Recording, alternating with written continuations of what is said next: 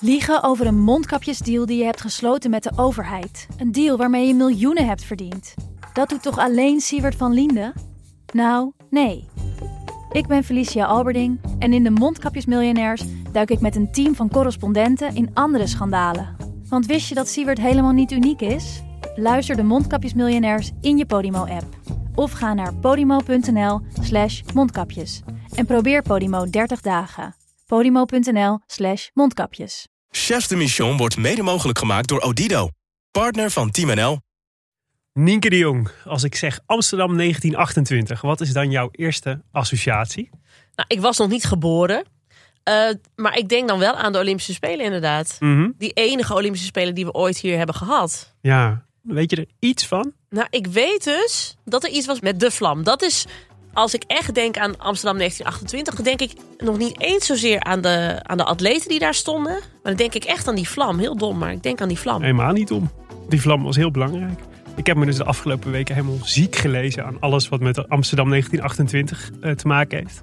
Dus ik ben qua hier volkomen over voorbereid aan deze podcast beginnen. Maar ik heb zoveel zin om hierover te vertellen. Nou ja, dan zeg ik op naar de leukste Olympische Spelen ooit. In elk geval, qua voorpret. Welkom bij aflevering 3 van Chefs de Mission. Nog steeds verkouden. Het is toch Pieter van der Hogeman. Hij wint. Hij wint. Goud voor Ellen van Lange. Dubbel salto, de flying Dutchman. En hij staat. Zie van Assen, los. Volledig gaan. Volledig gaan. Daar is de tweede gouden medaille voor Nederland. Dit is gigantisch. Ja, welkom lieve luisteraar. Het, het komend jaar bereiden wij ons samen met jou eh, voor op die Olympische Spelen in Parijs. En ons doel is dus daar de leukste Spelen ooit van te maken. Ja, en wat moeten we daarvoor doen? Nou, we gaan samen heel veel sport kijken. We gaan je nieuwe dingen leren over alle onderdelen die straks op de Spelen te zien zijn. Eh, we gaan de geschiedenis induiken om ook het heden te duiden. Eh, eigenlijk alles voor de ultieme voorpret en een ideaal bankzitschema straks.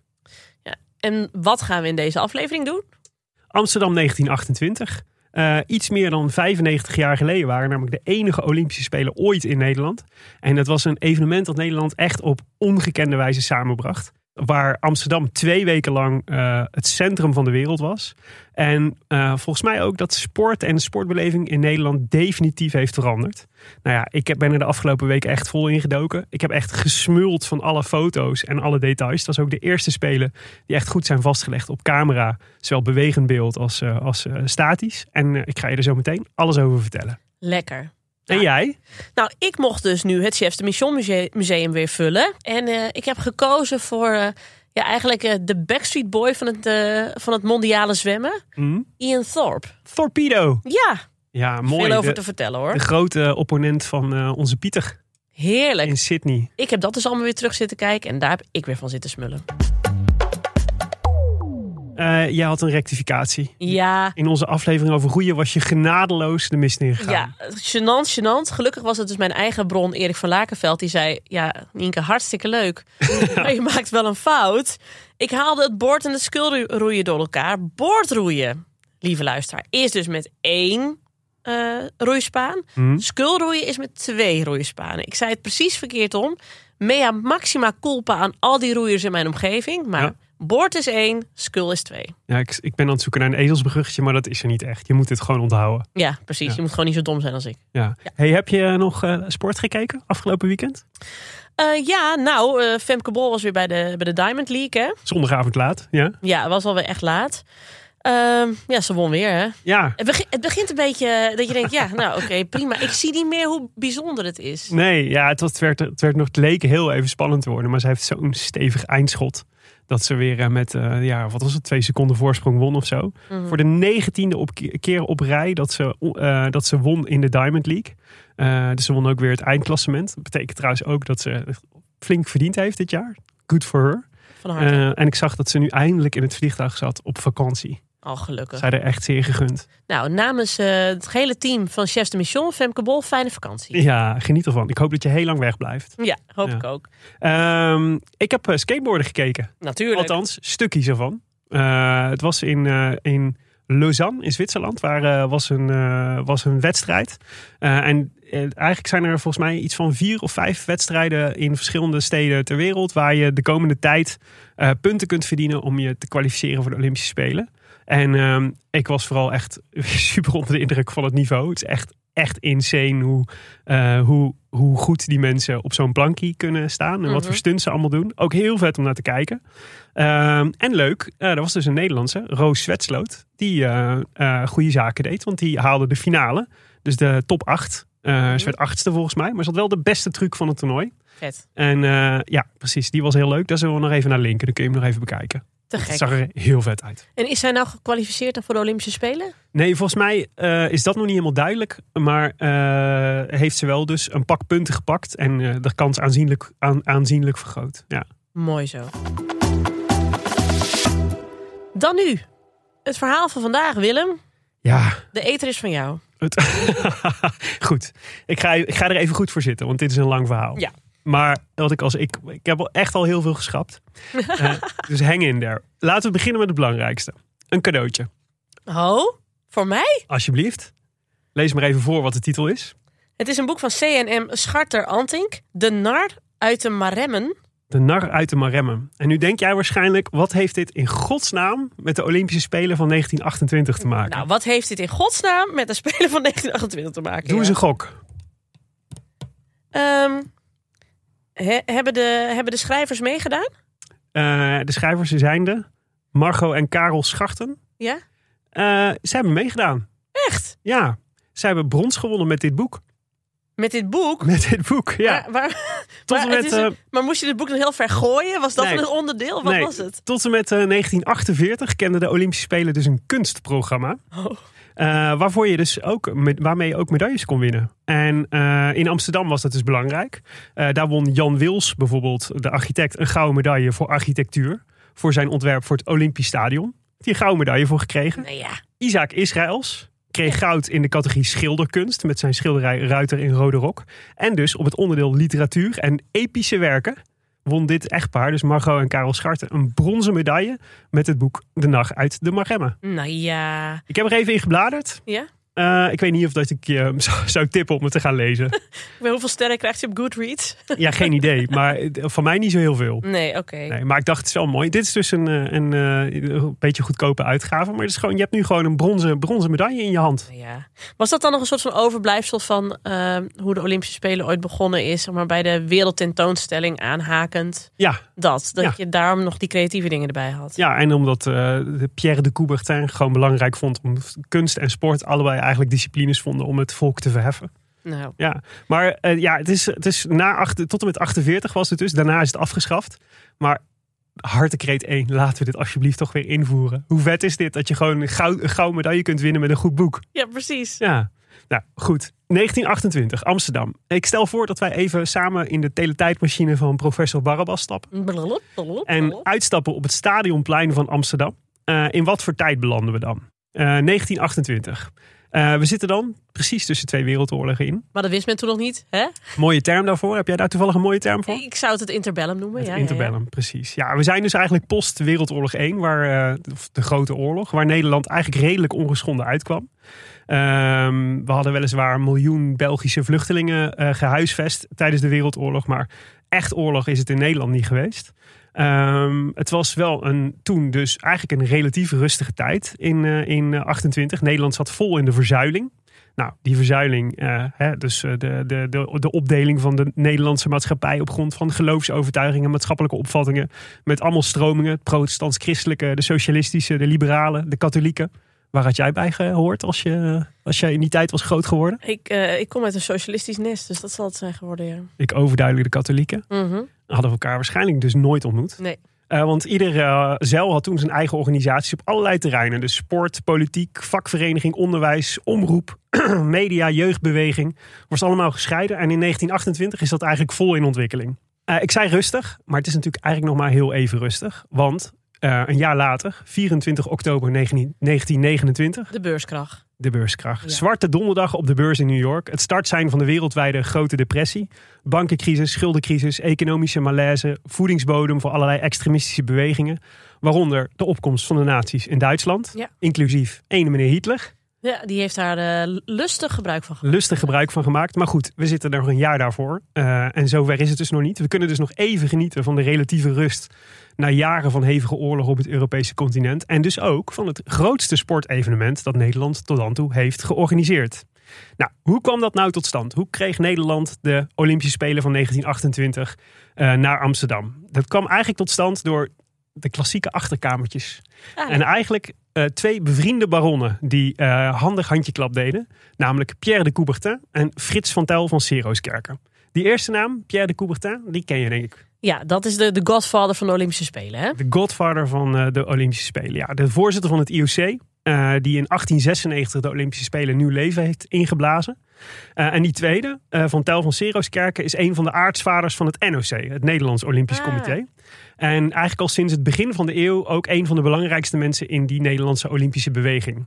Eh, sowieso NOC en IOC echt één grote baronnenvissa. Echt iets voor de, voor de lage adel. Het barsten van de graven en de hertogen en wat die smeer zei. Mhm. Ehm, en Amsterdam probeert onder leiding van die, eh, van, die eh, van Tel van Serooskerken eigenlijk na de Eerste Wereldoorlog al een paar keer eerder om de eer te verkrijgen om de Olympische Spelen te mogen organiseren. Hij wil dat met name heel graag en hij heeft een fanatieke schare van eh, supporters en ondersteuners die hem daarbij helpen. Vriendjes. Vriendjes, precies, collega baronnen. Mhm. Ehm, voor, in 1920 proberen ze het voor het eerst. Toen werd Am- Nederland of Amsterdam gepasseerd voor Antwerpen. Onder meer omdat België zo zwaar had geleden tijdens de Eerste Wereldoorlog. Dus dacht, dat is mooi om eh, voor de wederopbouw. 1924 eh, leek het even goed te gaan, maar greep Amsterdam ook mis. Want toen kreeg Parijs de voorkeur Mhm. van Pierre de Coubertin. Natuurlijk. Drie keer raden waar die vandaan komt. Drie keer raden waar die vandaan kwam, precies. En eh, dat was zijn laatste Olympische Spelen als voorzitter van het IOC. Dus als een soort van eerbetoon en bedankje mocht Parijs, zijn thuisstad, dus de Olympische Spelen organiseren. Maar heel handig eh, ge- gespeeld van ome Frits van Tuyl. Eh, onderdeel van die deal werd, om dat goed te keuren, zei... Ik vind het goed. Ik, ga, ik, ga ermee, ik ben ermee akkoord dat we het eh, in 1924 niet in Amsterdam doen, maar Parijs. Maar dan wil ik nu vast vastleggen dat Nederland in 1928 de Olympische Spelen mag Slimme jongen. organiseren. Slimme jongen. De Coubertin ging akkoord. We winnen dan onder meer van Rome en Los Angeles. Los Angeles vier jaar later, 1932 weer aan de beurt. Maar de Olympische Spelen gaan naar Amsterdam. Ehm, we zitten dan in 1921. En pas vier jaar later, in 1925, na de Spelen in Parijs, beginnen ze eigenlijk pas serieus na te denken over de organisatie van de Spelen in Amsterdam. Eh, dus drie jaar voordat eh, de, de Spelen beginnen. Maar dus voor die tijd was er niks aan dat je al dacht van we bouwen alvast een Olympisch dorp of Hij dacht, we hebben de tijd. Laat maar even lopen. Ja, nee, nog niet. Eh, pas in 1925 wordt er echt serieus, wordt er, wordt er serieus werk van gemaakt. En dan zijn er meteen eh, flinke problemen. Want eh, er is iets gebeurd. In 1924, een jaar daarvoor, is Van Tuyl overleden. Mm. eh, aan een longontsteking. En verliest de Olympische Spelen in Nederland. is eigenlijk zijn grote instigator. En is het NOC, het Nederlands Olympisch Comité, ook een beetje stuurloos. Dus eh, daar heb je meteen een reden waarom ze er daarvoor nog niet over nadachten. ja, Ze, waren eigenlijk, eh, ze hadden eigenlijk niemand die, eh, die leiding gaf. moesten de begrafenis van van Tijl van Seruskerk eh, Precies. regelen. Oké, ja. Tweede probleem voor een organisatie van een Olympische Spelen is heel veel geld nodig. Ja. Ze hadden onder meer geld nodig in Amsterdam om een stadion te bouwen. Daarvoor hadden ze eigenlijk bedacht, we gaan een nationa- soort nationale loterij organiseren. Eh, hartstikke leuk hè. Eh, tegenwoordig nog steeds een, eh, een geëikte manier om geld op te halen voor sport. Zeker. Maar dat stuit op verzet van de politiek. Die willen eigenlijk helemaal niet zo'n loterij. Dat, is, nou ja, dat, dat, stuit ze tegen de borst. Maar de ministerraad komt dan met een voorstel. Die zegt, oké, wij die loterij willen we niet, maar het moet betaald worden. Dus gaan we het vanuit overheidswegen doen. Dus die stellen voor een financiering van 250.000 gulden per jaar gedurende vier jaar. Dus laten we zeggen vergelijkbaar met eh 2 miljoen euro nu. In de periode van 1925 tot 1928. En dat zou genoeg, dus ongeveer 8 miljoen euro, zou genoeg moeten zijn om de Spelen te organiseren. Was dat, was dat realistisch? Dachten zij gewoon van nou daarvoor moet je het dan maar doen? Het is, eh, nee, achteraf bleek dat dat vrij realistisch was. Ja. Wauw. Probleem is, eh, want de politiek is in zet. De ministerraad heeft het, eh, de, de ministers hebben een voorstel gedaan. Maar de Tweede Kamer moest het natuurlijk goedkeuren. Eh, en met name de christelijke partijen en de christelijke zeil was heel erg tegen de Olympische Spelen. Hun argumenten eh, deden vrouwen mee. Nou. Oh, bah. Dat willen we natuurlijk niet hebben. De Spelen gingen op zondag gewoon door. en dat was strijdig met de zondagsrust. En de mannenbroeders van de SGP vonden het sowieso al niks. Want het was een soort vorm van afgoderij. Want de Grieken waren er ooit mee begonnen om hun god Zeus mee te, eh, mee te eren. Oh ja. Dus dat kon niet. Verbijsterend, maar waar. Het Nederlandse parlement keert zich tegen die eh, bescheiden financiering van de Spelen in Amsterdam. En even lijkt het er zelfs op dat we de Spelen zouden moeten teruggeven aan het IOC. Eh, en dat is natuurlijk, het zou natuurlijk echt extreem gênant zijn. Mhm. Eh, want dan zijn we echt de klaplopers van de wereld. Ja, nou ja, dan moet je dus, dan ga je de geschiedenisboeken in als, ja, wij hadden de Olympische Spelen kunnen krijgen, maar omdat het op zondag was, wilden we het niet. Hebben we het niet gedaan, omdat Ja. de vrouwtjes mee moesten doen. Precies, de spruitjeslucht die vanaf dat eh, moment van je land afwalmt, is echt niet te hachelen natuurlijk. Ja, precies. Dus nou, imago-schade, daar wordt zeer voor gevreesd. Maar dan komt het NOC in actie. Of liever gezegd, eigenlijk het volk. Want wat is de beste manier om een Nederlander iets te laten doen? Eh, druk? Zeggen dat het niet mag. Ah ja. Dus er wordt een nationale inzamelingsactie gestart. En een aantal kranten, waaronder bijvoorbeeld de Telegraaf, maar ook andere, die scharen zich erachter. En de actie en de geefbereidheid van de Nederlanders blijkt werkelijk echt enorm. Dus scholieren staan hun zakgeld af. Studenten doneren de bieropbrengst van de SOS. De gemeente Amsterdam geeft extra leningen. Er komen grote bijdragen van het bedrijfsleven vanuit Nederlands-Indië. En binnen twee weken wordt er anderhalf miljoen gulden opgehaald. Zeg maar vergelijkbaar met 12 miljoen euro nu ongeveer. Eh, meer dan voldoende voor de organisatie, eh, volgens de begroting. Eh, en bijvoorbeeld ook genoeg om in die tijd een aantal stadions te bouwen. Dus het Nederlandse volk heeft de Olympische Spelen in Amsterdam gered. Van Heel de politiek goed. moesten we het niet hebben. Nee. Nou, die gebouwen, de bekendste, die staat er nog steeds. Dat is natuurlijk Het Olympisch Stadion. het Olympisch Stadion in Amsterdam-Zuid. Waarvoor Jan Wils, de architect, dus de gouden medaille voor architectuur won. Eh, bij dat Olympisch Stadion verrijzen nog een paar gebouwen. Dus voor het stadion komen twee tijdelijke hallen voor schermen en voor krachtsport. En daarachter een zwemstadion voor 6000 mensen. Opvallend, alles is heel dicht bij elkaar in de buurt. Het worden hele compacte spelen. Eigenlijk ideaal voor, de, voor het publiek dat een dagje eh, Olympische Spelen wil doen.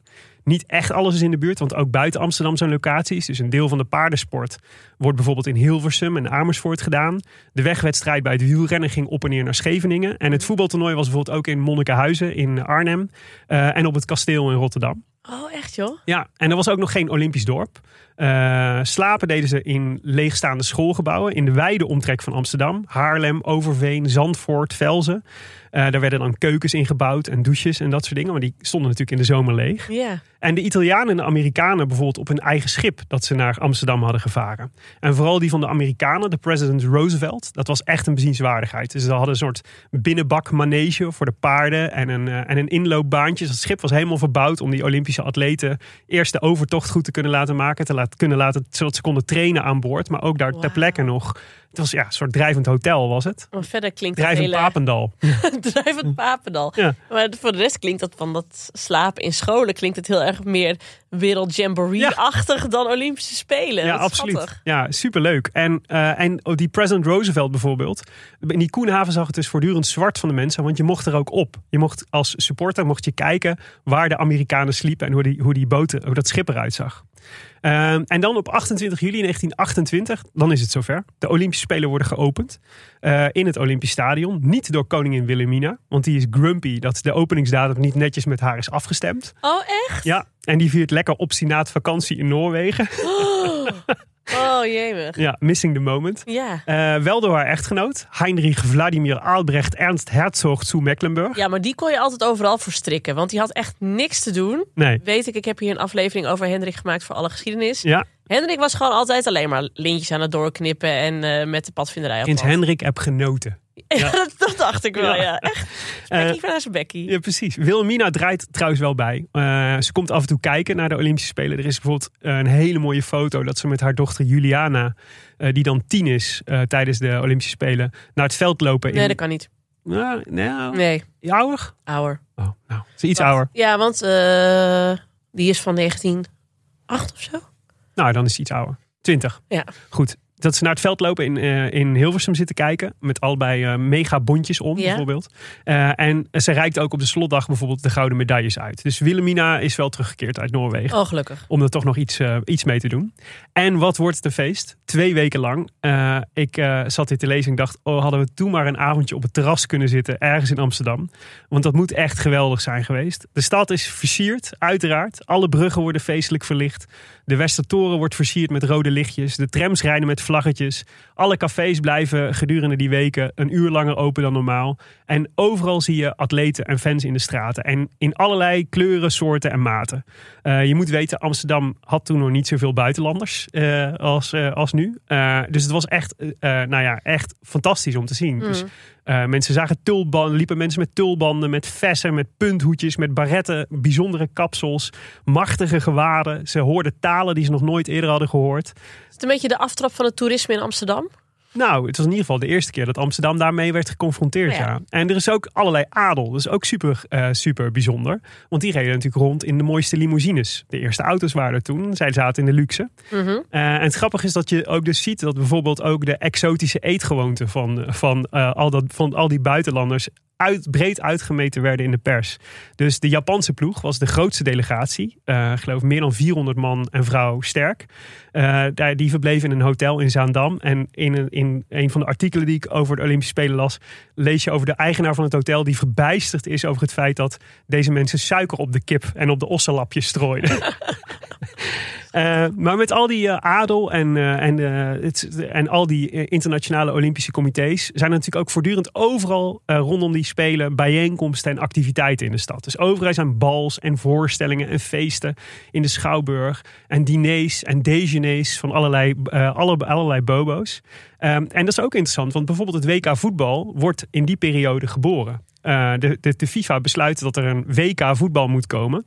Eh, en dat eh, vindt niet toevallig voor het eerst in 1930 plaats in het land van de Olympisch kampioen van 1928, Uruguay. Oh, Ook het eerste dopingbeleid wordt bijvoorbeeld vastgesteld. Daar wordt voor het eerst serieus over gesproken in Amsterdam. Doping in relatie tot sport. In de periferie van de Spelen. Maar je kunt echt, je voelt echt aan alles in die twee weken en de, en de periode daaromheen. De city is buzzing. ja. Ehm, er waren een paar historische firsts in Amsterdam. De meest impactvolle noemde jij net helemaal aan het begin. Het Olympisch vuur. Daar was inderdaad iets mee. Dat werd in ere hersteld tijdens de Olympische Spelen in 28. Eh, dat, was eigenlijk een, dat, dat vuur was eigenlijk een gebruik dat stamde uit de Olympische Spelen in de oudheid. Ehm, en in Amsterdam hebben ze dat voor het eerst weer eh, teruggebracht in de traditie van de Olympische Spelen. Nou, hoe zag dat eruit? Je hebt um, die marathontoren, dat is de toren Ja. bij het Olympisch Stadion. Daar zit zo'n schaal op. Nou, s'avonds en s'nachts brandde daar vuur. En overdag was er vooral een rookpluimpje te zien. Ehm, eh, maar dat werd daar voor het eerst gedaan. Nou, tegenwoordig is het natuurlijk best een dingetje. Wie steekt het vuur aan? Mhm. Staan jou nog scènes bij van mensen die het vuur aanstaken in Eh, het verleden? Ja, eh Cathy Freeman weet ik nog in Sydney. Ja, Dat was toen heel, Heel- bijzonder, omdat zeker. zij eh, van Aboriginal eh, Ja. afkomst is. Ja. En ik weet Mohammed Ali nog, volgens mij in Atlanta. ja heel Ja. goed. Ja, de bibberende Mohammed Ali ja, ja. die in, eh, in Atlanta 96 inderdaad. Pavo Nurmi, of over wie we het eh, de vorige keer hadden. eh, en die een van de sterren was van deze Olympische Spelen in 28.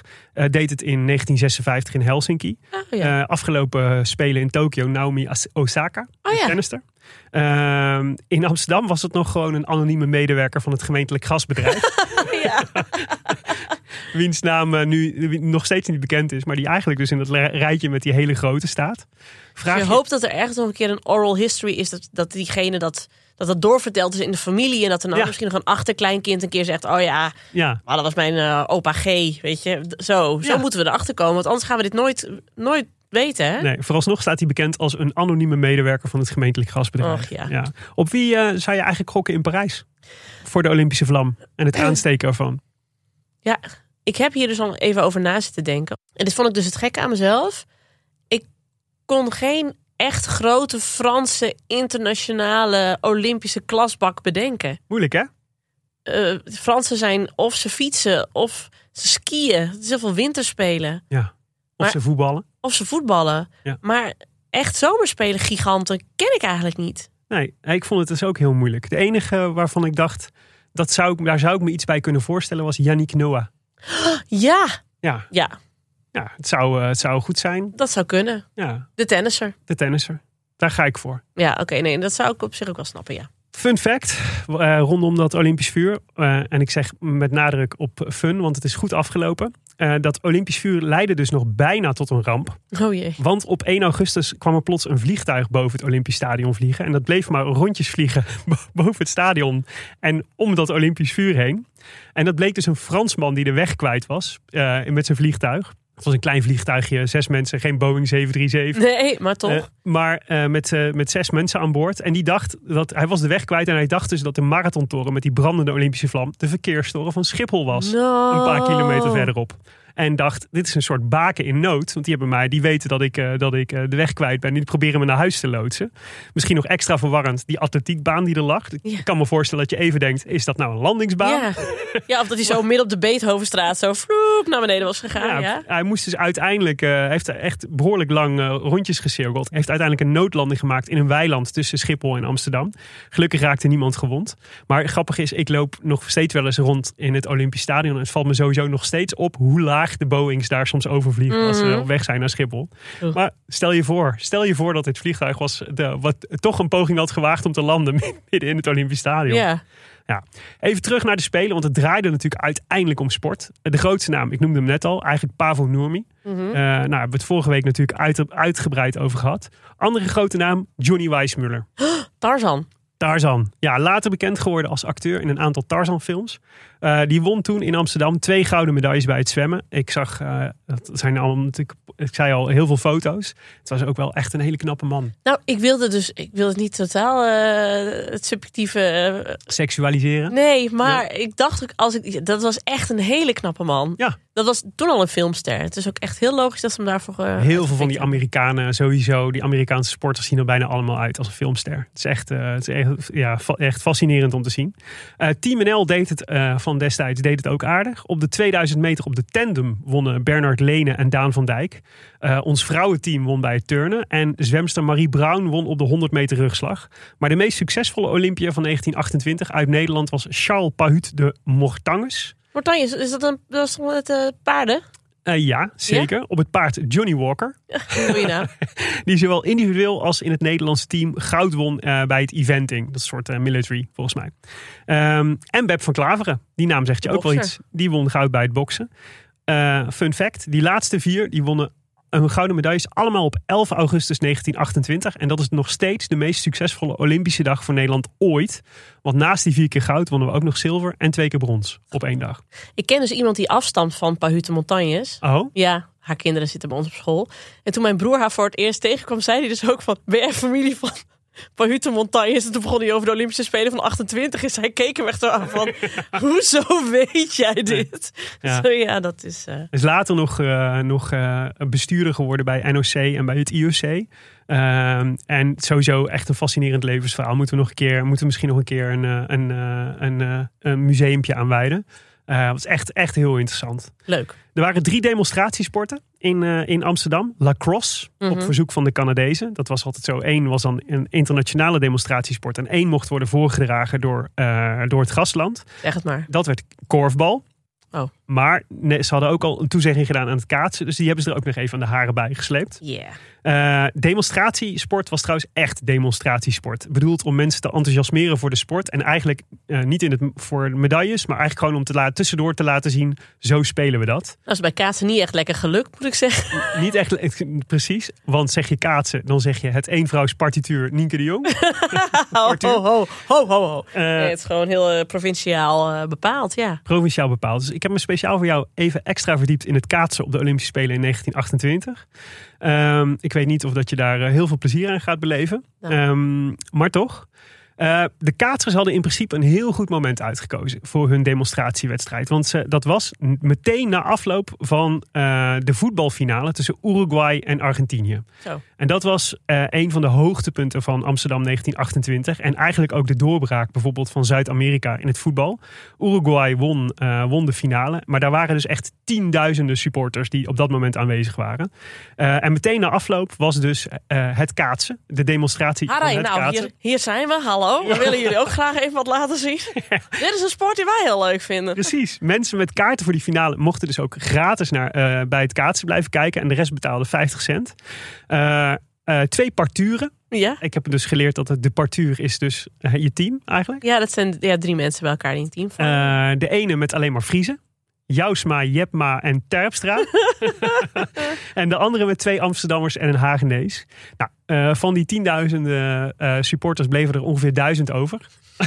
voor het kaatsen. Nou, dan heb je je marketing alweer goed op orde gehad. Ja? Absoluut. Onder wie de verslaggever van de Delftse Courant. En eh, die keek met, nou, die, die schreef er een heel mooi verslag over. over dat echte oud-Hollandse spel.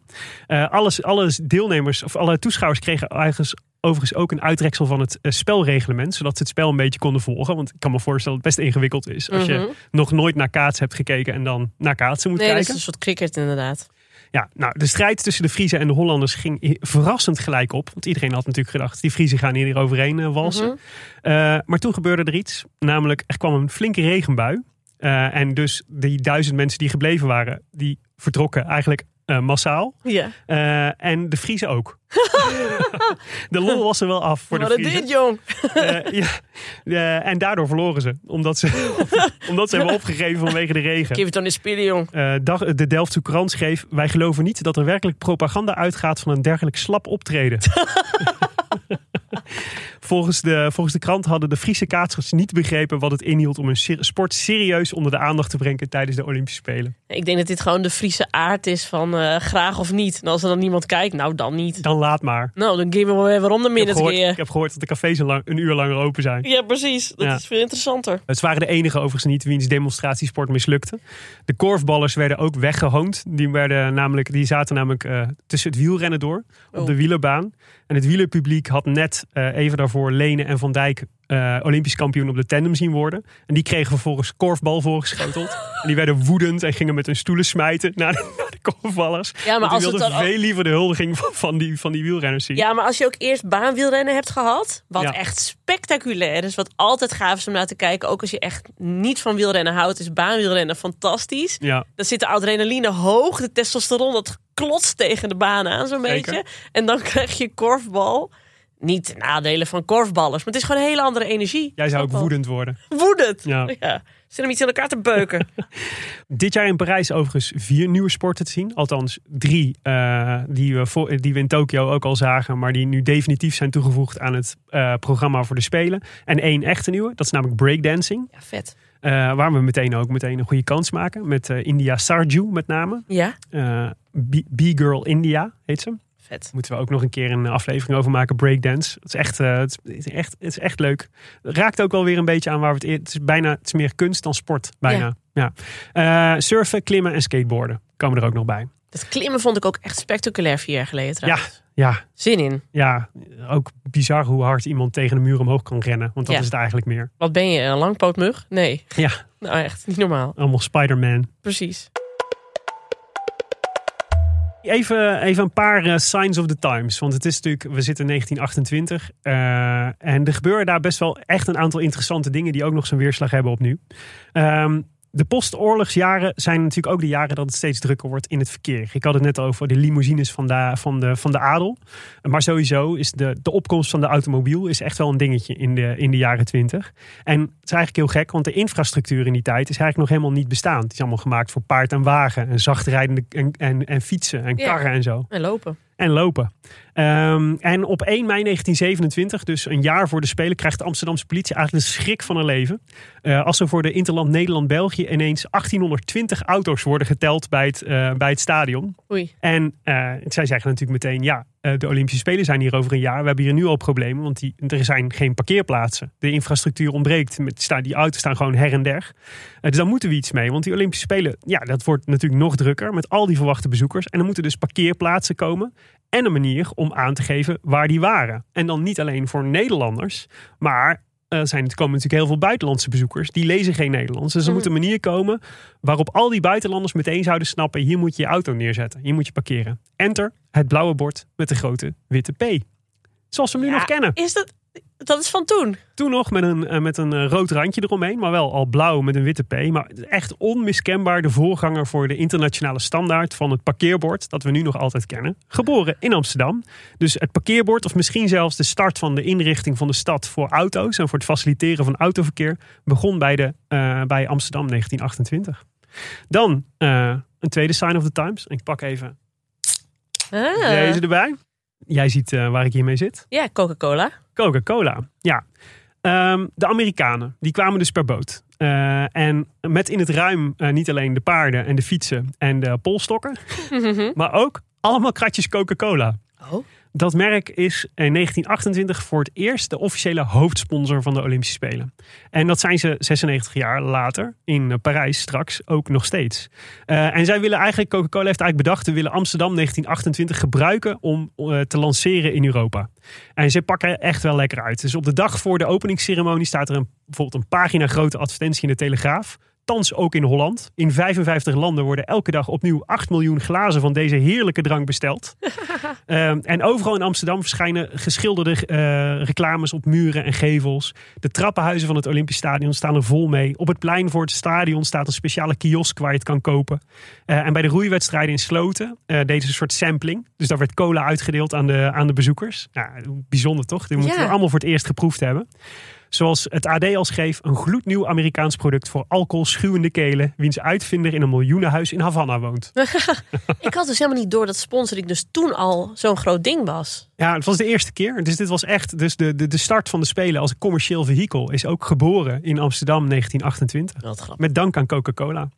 Eh, dan de laatste sign of the times. In 1928 mochten vrouwen voor het eerst meedoen eh, aan atletiek en aan turnen. aan het zwemmen mocht dat al sinds, eh, sinds Stockholm in 1912. Graag gedaan, hartstikke leuk. Oh, Bedankt. Ehm, in totaal 35 vrouwelijke deelnemers. Maar daar was veel gedoe over. Ik zei al in, in helemaal in het begin bij, bij de eh, organisatie van de Spelen. Een de deel van, politiek, ja. deel van christelijk Nederland, maar ook heel veel van die natuurlijk conservatieve mannelijke sportbestuurders. En een deel van de sportpers die eh, waren om allerlei kulredenen tegen de deelname van vrouwen aan, eh, aan sport. Het zou dan te zwaar zijn of te onvrouwelijk. Dus hun bekken is er niet voor gemaakt. hun bekken is daar niet voor gemaakt. Ja, ja, ja, ja. precies. Ehm, en de Telegraaf bijvoorbeeld schreef na de 800 meter finale bij de vrouwen. Het hele stel had 10 minuten nodig om weer op adem te komen. Waarop het grienend zwikje, met uitzondering van de winster, elkander melodramatisch de schouders omvattend uit het gezichtsveld verdween. Laat dit de laatste maal zijn, heren voorbereiders der Olympiades. Het grienende zwikje. Ja, het grienende zwikje Oh, viel elkander melodramatisch de schouders, om de schouders. Het is een beetje als wij klaar zijn met de podcast, wat we dan, wat we dan doen. Oh, wat verschrikkelijk. Ja, sloop het patriarchaat en de Telegraaf erbij, Nienke de Jong. Ja, echt hoor. Ehm, die winnares op de 800 meter was trouwens Lina Raadke. Eh, tevens de eerste winnares op Adidas schoenen. Oh. Ja. Ehm, het effect van, eh, van, eh, van dat, die, dat soort stukken in de krant was wel ook echt een pittige terugslag in de vrouwensport. De 800 meter verdween van het programma. en kwam pas in a- 1960 weer terug. Jeetje. Ehm, Ellen van Lange uit aflevering 1 dus was dus pas de tiende Olympisch kampioene op de 800 meter. Ehm, eh, in Parijs eh, is er voor het eerst gendergelijkheid. Eh, precies 50% mannen en 50% vrouwelijke deelnemers. En dat is eigenlijk in navolging van de gendergelijkheid die al in Tokio 2020 al bijna bereikt was. Toen was het 48,8% vrouwelijke deelnemers. En nou ja, eh, het mooie is dat ook het aantal onderdelen voor mixed gender enorm groeit. Dus van 18 in Tokio naar 22 in Parijs. Ja, wat goed. Ja, ik blijf dat dus opmerkelijk vinden. Want je kijkt er dan naar van het is 1928. Het is bijna een eeuw geleden. Maar mijn oma, eh zij rust in vrede, kwam uit 1915. Die heeft dit allemaal bewust meegemaakt. Ja. Zij was toen al aan het werk. Kun je nagaan. Mhm. Dus als ik haar daarin plaats, als ik, als ik haar bedenk, ik weet hoe ze eruit zag als meisje van 13. En ik plaats haar in die tijd. En Ja. dan denk ik, al die bullshit waar jij dus mee te maken had. En dat mensen zo over jouw seksen schreven. Ja. En dan zie ik waar, waar ik nu sta en denk ik, oh, dankjewel eh Ja, we hebben, nog wat, we hebben nog wat patriarchaat te slopen, maar het is wel eh, Er is nog heel veel te slopen, maar er is eh, ook al wel een een aardig beginnetje gemaakt. Zeker, zeker. Ja, precies. Ehm, leuk Olympisch cadeautje. En eerlijk gezegd beter leesvoer dan de nacht uit de Maremme. Voor jezelf of voor een ander. Eh Jurrit van der Voren schreef het boek Amsterdam 1928. Met 28 verhalen over de Spelen in Amsterdam. Daar kon ik voor dit verhaal, ehm, net als trouwens het fotoboek Amsterdam 1928, echt rijkelijk uitputten. Maar er staat nog veel meer moois in. Dat is echt leuk. Eh, de tweede tip, ik zei al, dit zijn de eerste Olympische Spelen waarvan een film eh, eh, is gemaakt. Verwacht nog geen Leni Riefenstahl kwaliteit. Nee, die zien we dan een paar jaar later inderdaad. Verre van zelfs. Maar het is wel echt heel leuk om even te kijken, omdat dat tijdsbeeld zo fantastisch is. het staat op de site van het IFC. Eh, en daar zullen we even naar linken in de show notes. Ja, eh, de Olympische Spelen in 28. Ik kan er echt nog een uur over doorpraten. Maar laten we dat maar even niet doen. Eh, maar hadden we maar verdorie even in die tijdmachine kunnen stappen. En even samen een colaatje drinken op het stadionplein. Moeten we het nou nog een keer doen? Was de vraag die bij mij overbleef. Ja, wat ik dus heel grappig vind, want ik heb hier natuurlijk over nagedacht. En voordat je aan je verhaal begon, dacht ik: nee, dat moeten we helemaal niet doen. We zijn een veel te klein land. Het is veel te veel gedoe. Het is, kost heel veel geld. Je krijgt Ja. het eigenlijk nooit eh, financieel terug.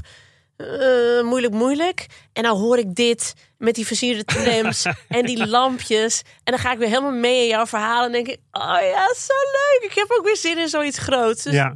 ja, moeten we doen. Dat is leuk. Doe maar. Ja, hè? Ja, nou ja, ja, ik begon ook weer te twijfelen. Ehm 2024 en 2028 waren eigenlijk ook even de spelen waar Nederland ook even weer voor leek te gaan. Ehm, het kabinet Rutte 2, dat is eh, Rutte Aschen, maakte daar in het regeerakkoord prompt een eind aan. Eh, en ja, wat ik wel interessant vond, deze spelen waren ook zijn al compacte spelen, maar ook sobere spelen.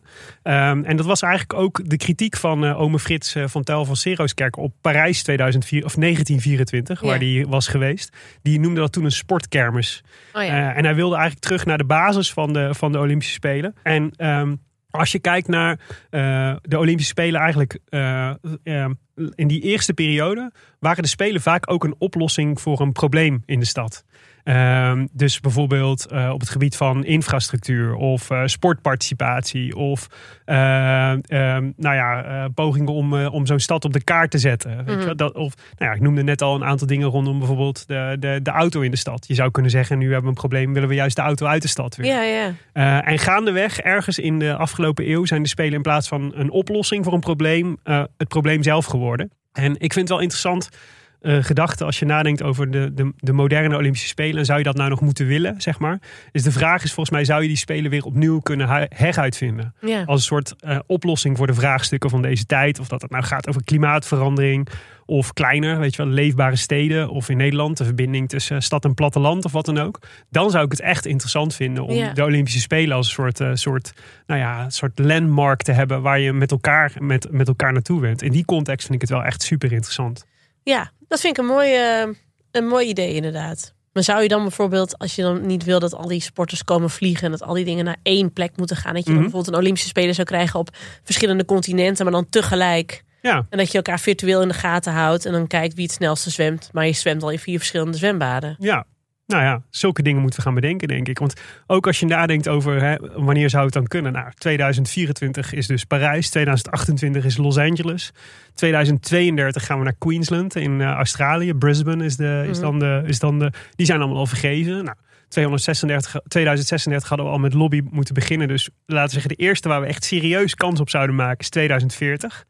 Eh, nou, 2040 is eh 17 jaar van nu Ja. ja, dan ziet de wereld er natuurlijk echt heel anders uit. Dus dan zal je ook op een andere manier na moeten denken over hoe wat dan zo'n sportevenement nog betekent in je land of in de wereld. Of wat het organiseren ervan überhaupt Mhm. betekent. Ja, Nou is er natuurlijk wel al een keer een poging geweest om de Olympische Spelen weer naar Amsterdam te halen. 1992. 1992. Maar Ja. daar gaan we nog een uitgebreide eh, grote aflevering over maken. Want daar is zoveel over te vertellen dat ik heb jou gezegd dat mag je niet gebruiken voor deze aflevering. Want dan moeten we die juice die moeten we er helemaal uit gaan melken. Zo, ja, echt een, eh, echt een fascinerend verhaal.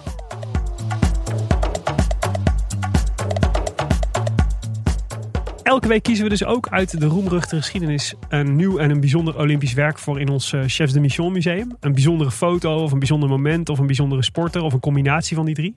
En deze week, Nienke de Jong. Ian Thorpe, geboren in 1982 in Australië. Hij gaat eh, zwemmen op jonge leeftijd, omdat hij dan ook iets te doen heeft tijdens alle zwemwedstrijden waar zijn zus naartoe moet. Want hij verveelt zich, hij moet altijd mee. Hij denkt, dan ga ik zelf ook maar zwemmen. Eh, alleen, eh, hij zwemt de eerste paar wedstrijden steeds met zijn neus boven water, want het chloor prikt in zijn neus. En hij blijkt allergisch voor chloor. En, eh, Ongemakkelijk. ongemakkelijk voor een zwemmer. Ehm, de dokters zeggen wel tegen zijn moeder van... nou, als je nou denkt dat hij echt een goede zwemmer gaat worden... en dat hij prijzen gaat pakken... misschien moet je dan zijn neusamandelen ehm, verwijderen. Want dan heeft hij minder last van dat chloor. Dat heeft zijn moeder nooit gedaan. Die had dus weinig vertrouwen in van... nou, dit gaat een hele grote Ja. worden. Maar Ian Thorpe blijkt al wel op jonge leeftijd gewoon heel, heel erg getalenteerd. En hij eh, gaat alle jongere categorieën prijswinnend door. En als kerstverse 15-jarige, hij is 15 jaar in twee maanden of zo, wordt hij al wereldkampioen op de 400 meter vrij. Dus dat is echt ongeveer de jongste ooit in het zwemmen.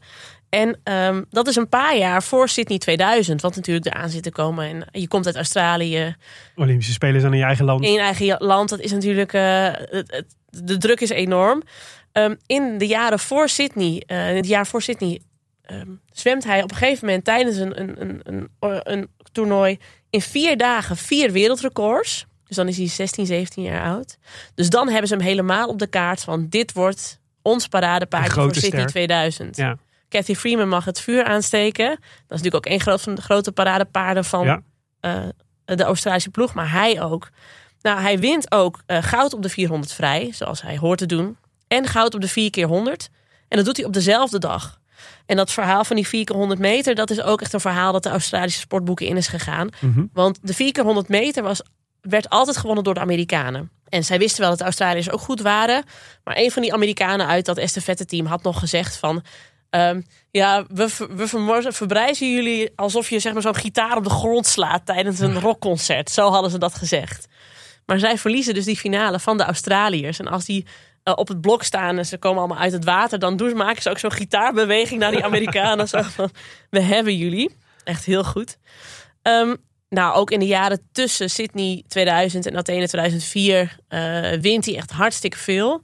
Maar hij wordt dan ook een soort van rockster. Na Sydney is hij echt ja, het is een van de bekendste mensen van Australië, maar wereldwijd ook. Weet je, hij gaat ook heel erg dat jetset leven in. Hij is ook allemaal op feestjes. Hij wordt dan weer gefotografeerd met Britney Spears en allemaal van dat soort. Ja. Ja, al die helden uit begin 2000, daar hoort hij ook heel erg bij. Hij ziet er ook echt uit als een boyband jongen. Ja. Maar hij is dus nog hartstikke jong. En hij is al vanaf zijn 15e gewend dat er altijd een camera in zijn gezicht staat. Terwijl het echt wel een bescheiden, iets wat verlegen jongen is. Dus dat is echt lastig voor hem om daarmee om te gaan. Hij mist dan bijna de 200 meter vrij op eh, de Olympische Spelen in Athene. Mist de finale. Hij mist, al, nee, hij mist bijna überhaupt de Olympische Spelen op die afstand. Mhm. Omdat hij tijdens de Australische kwalificaties eh, gedisqualificeerd wordt. Hij eh, maakt een valse start. Dan is er een andere zwemmer uit het Australische team die wel een Olympisch ticket heeft. En die geeft het op, want die zegt: Ja, Ian Thorpe moet daar gewoon zwemmen. Want Ja. Ehm, en, maar hij voelt dan dus de megadruk van iemand heeft zijn plek opgegeven voor mij. En het was ook een man met medaillekansen. Eh, als ik nu niet win, ja, dan is het allemaal voor niks geweest. Maar ja, dan is hij dus 22. Mhm. Nou, godzijdank wint hij die 200 meter vrij in, eh, in Athene. Maar er stond dus een enorme druk op. Dat is ook echt een, een wedstrijd, die 200 meter vrij. Die echt, nou ja, als er een Olympisch museum was met fragmenten, dan hoorde deze er ook echt in. Je hebt natuurlijk acht banen bij het zwemmen. In, in de, van de acht banen lagen er in vijf banen lagen er Olympische eh, winnaars. Ja. Het was een. Ah, het was echt een soort van het Barcelona met Messi en Neymar. En, maar dan dus allemaal individueel tegen elkaar natuurlijk. Maar ik zat dus echt te denken, waar kun je dat nou mee vergelijken? Het is zo'n sterk veld. Ian Thorpe wint goud. Pieter van der Hogeband wint zilver. En Michael Phelps, die Ja. op, in Athene 2004, ik geloof, acht gouden medailles haalt, wint brons. Ja. Dat is, als je die drie naast elkaar zet, dan denk je toch, dat is piek zwemhistorie. Ja, ja. Zoveel sterren bij elkaar. Dat is nu, ik zit nu ook minder in het zwemmen hoor, dus misschien mis ik nu iets. Maar dat was wel echt hoogtijdagen. Ja. Ja, het is goed om een keer terug te kijken. En hij wint ook in eh, Athene de goud op, het goud op de 400 meter vrij. Hij wint eh, het brons op de 100 meter vrij. Daar wint Van de Hogeband dan weer van hem. Mhm. En eh, zilver op de 4 keer 200 meter. En ze worden maar zes, zesde op de 4 keer 100 meter. Waarop ze dus de gouden medaille, Ja. de, de verdedigers van de medaille waren. Eh, daar wint Nederland zilver. Weet je dat nog? Met Johan Kenkhuis en eh Mitja Sastrov, Klaas-Hendrik Svering en Van de Hoogband. Nou ja, hij merkte dus na Athene, eigenlijk daarvoor ook al, maar vooral na Athene merkte Ian Thorpe dat hij niet meer aan het zwemmen was omdat hij het leuk vond, maar omdat iedereen alles van hem verwachtte. En die enorme media-aandacht, die enorme druk die om hem heen lag, dat hij zo in de gaten gehouden werd. Hij had er de lot niet meer in, dus hij stopte in 2006 met zwemmen. Hij wil dan in 2010 wel weer een comeback maken, omdat hij dan nog naar de Olympische Spelen van 2012 in Londen wil. Mhm. Er zit ook een hele documentaire overheen dat zijn vrienden hem gaan volgen met een camera en zo. Maar het, het lukt niet. En daarna komen er wel echt donkere jaren voor hem. Als je dan, zeg maar zo, je typt hem in op Google en je zoekt in 2014, weet je, dan heeft hij een zware operatie aan zijn schouder. Hij belandt nog op de IC daardoor. Eh, eh, het lijkt nog even alsof zijn arm afgezet moet worden. Heel heftig. Nou, dat hoeft uiteindelijk niet. Eh, maar ook in 2014 wordt hij op een gegeven moment door de politie eh, van de straten van Sydney geplukt. Omdat hij echt in verwarde toestand daar rondloopt. Oh jee. Dus dat je echt, nou echt zo'n kindsterretje gone bad. Zeg Macaulay maar. Culkin. Ja, echt. Nou, Macaulay Culkin, ja, voor de jongere Ja. luisteraar. De, Home Alone. ja, eh, Kevin McAllister uit de film Home Alone. Wat ook een jongen was die eh, in zijn tienerjaren flink van het pad raakte. En zo kunnen we er nog wel een paar noemen. Ja. Ehm, daar leek het ook op. Uh, maar in augustus van dat jaar uh, vertelt hij dan aan, aan de rest van de wereld, al heeft het zijn familie al verteld, dat hij homoseksueel is. En volgens mij heeft dat wel voor veel rust in zijn hoofd gezorgd, dat, dat, dat hij Mhm. dat geheim niet meer alleen met zich mee hoefde te dragen. Ja. Want als je dan ook die filmpjes ziet van begin 2000, als hij dan dus die gouden medaillewinnaar is, dat in alle interviews ook gevraagd wordt: en heb je verkering? En wie is je ideale vrouw? En wil Ja. je ook een vrouw? Wil je ook kinderen? En Ja. zo. En er zijn wel steeds geruchten, omdat hij wel een beetje omarmd wordt door die gay scene, die, die hem gewoon echt een knapperd vinden en Ja. zo. En is hij dan heel ongemakkelijk Je mee. herkent al iets. Ja, die zien het al wel. En als je het nu met terugwerkende kracht zie je ook van. Ja, je ziet ook gewoon een jongen die niet lekker in zijn vel zit of zo. Ja, of ongemakkelijk tragisch. is met wat hij, wat hij moet doen. Ja. En eh, nu heeft hij zich, ja, hij zet zich ook heel erg in voor goede doelen. Eh, hij heeft zijn eigen zwembad, eh, een zwembad naar zich- vernoemd gekregen natuurlijk. Mhm. Maar hij zet zich in voor goede doelen. En hij heeft vooral heel veel gedaan voor de oorspronkelijke bewoners van Australië. Mm. Ehm, omdat ze op een gegeven moment zagen dat er heel veel ziektes die bij ehm, de, de westerse Australiërs, hoe moet ik dit nou zeggen? De geïmporteerde Australiërs, Ja, weet ja. je, al lang weg waren. Dat die nog wel heel erg heersten onder de oorspronkelijke bewoners. En daar heeft hij zich dus heel erg voor ingezet om daar meer bewustwording voor te hebben en om dat de wereld uit te krijgen. Dus dat heeft hij heel goed gedaan. En ja, ik zat al die dingen terug te kijken. Ik weet niet. Ja, jij weet vast nog wel waar je was in Sydney met Sydney Ja. 2000 en Athene 2004. Nee, ja, het is natuurlijk het is een tragisch levensverhaal. Ik ben blij dat hij, dat het, dat je de, dat hij de, de lijn omhoog te pakken heeft. Mhm. Lekker, voor mij is hij natuurlijk voor eeuwig verbonden in dat duel met Van de Hogeband. Ik was toen zo'n Van de Hogeband fan. En dan, dan, dan ja, het was natuurlijk de, de tragiek van, de- van, de, van de grote favoriet die in zijn eigen land verslagen wordt door Van de Hogeband. Ik had niet eens, ik heb niet eens geregistreerd dat hij eigenlijk nog steeds gewoon goud heeft gewonnen op twee op één volgende spelen. Ja, Want ik, voor mijn gevoel was Thorpe de verliezer van Sydney 2000.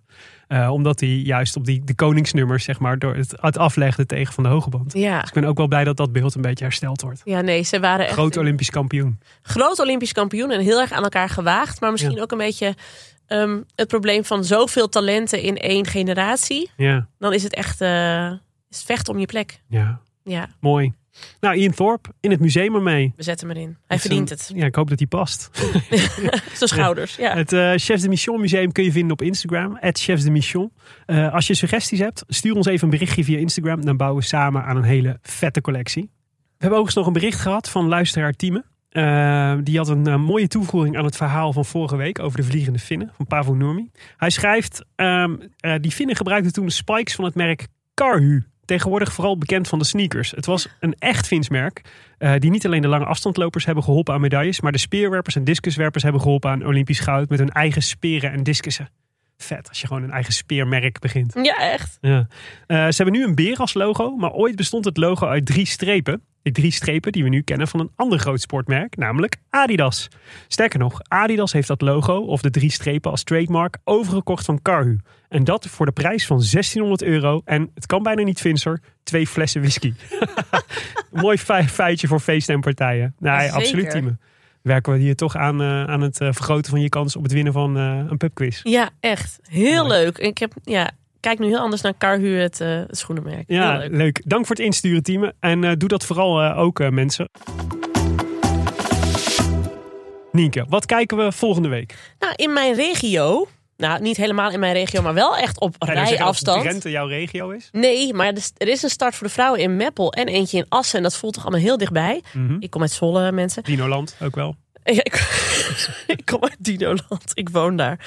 Eh, van 20 tot 24 september is het EK wielrennen in Drenthe. Dus eh, verheug je op veel, vaak de Vanberg. En op heel veel mooie plaatjes eh, van ja, plekken waar ik ook vaak fiets. En Ja. dat is hele mooie, het zijn hele mooie plekken. Dus ga ook zeker kijken als je in de buurt bent. Want zo'n wielerstart is altijd leuk om mee te maken. Precies. En anders kun je het kijken op NOS Sport.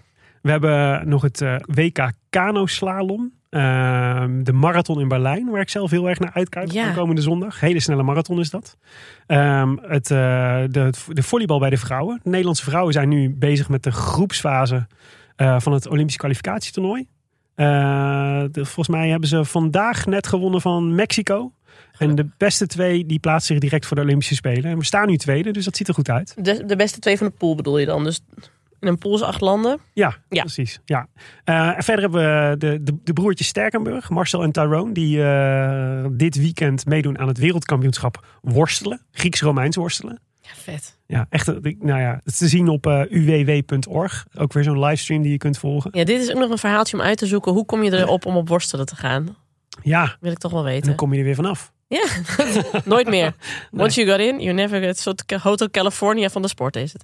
Ehm, we hebben ook nog het WK Breakdance in Leuven. Dat is ook niet zo heel ver weg. Ehm, je kunt ook gratis eh, naar, eh, eh, op bezoek. Dus dan moet je even de trein pakken naar Leu- Leuven. Want er is geen stream waar we het kunnen kijken. Dus we moeten dat van de verslaggevers ter plaatse horen hoe het is gegaan. Er is nog judo. Er zijn de World Champion Series voor de triathlon. Waar we onder andere Rachel Klamer nog gaan zien. Ja. Dus er is weer heel veel eh, sport om te kijken en te volgen. En wat gaan we volgende week in eh, Chefs de Mission doen? Nou, omdat we dus met die eh, Olympische kwalificatie van de volleybalvrouwen bezig zijn, had ik gewoon heel veel zin om me volgende week eens even te verdiepen in het volleyballen. Ja, hoef je niet te vragen om je eerste herinnering als het gaat over Olympisch volleybal. Snake Week! Oh, zal ik dat snel vertellen? Snake Week. Ja, dat was Atlanta 96, de lange Oh. mannen die goud wonnen. Joop Toen zat jij op de Snake Week. Nee, dit is het. Eh Joop Albeda liep met zijn handen op zijn hoofd het veld op. Dat beeld kent iedereen. Maar Zeker. het beeld dat alle snekers nog weten is dat Olaf van der Meulen en Jan Postuma, die allebei uit Sneek kwamen, Mhm. Naar de camera keken. En dat Olaf van der Meulen toen heel hard tegen de camera riep: Snake Week! Omdat het toen de Snake Week gaande was in Sneek en hij daar niet bij kon zijn. Oh, dit wist ik helemaal niet, En joh. toen was ik, waren wij zo trots. Zo iemand vanuit Atlanta roept op tv Snake Week. En het is niet Snake Week. Een soort, eh, wat, wat de maanlanding was voor de wereld, was, Was dit voor was, was, Snake? was dit voor Friesland. Dat is zeker voor Snake. Ja. Dat eh, vergeet ik echt Big nooit step meer. voor Friesland. Ja, dus volgende week gaan we Leuk. volleyballen. Nou, we kijken naar uit. Dit was aflevering 3 van Chefs de Mission. Gepresenteerd door jouw Chefs de Mission, Willem Dudok en Inke de Jong. Deze podcast is een productie van Dag en Nacht Media. En de redactie is in handen van Maaike van Leeuwen en Jip van Meel. Als je wil reageren, dat kan. Je vindt Nienke, mij en het Chefs de Mission Museum via Chefs de Mission op Instagram. Geef ons daar ook alsjeblieft je tips voor mooie onderwerpen waar we het absoluut eens over moeten hebben in Chefs de Mission. Ja, en vond je het nou leuk? Nou, abonneer je dan op de feed, want dan bezorgen we nieuwe afleveringen wekelijks bij je thuis. En tip de show dan eens aan een paar vrienden en bekenden. Want dat zorgt er vooral voor dat meer mensen Chefs de Mission ontdekken. En dat is leuk voor jou, want zo groeit bij iedereen, ook in jouw omgeving, de voorpret richting de Spelen. Nou, en dat is dus precies wat we willen. Precies. Met de Olympische groetjes van uw Chefs de Mission. En tot volgende week.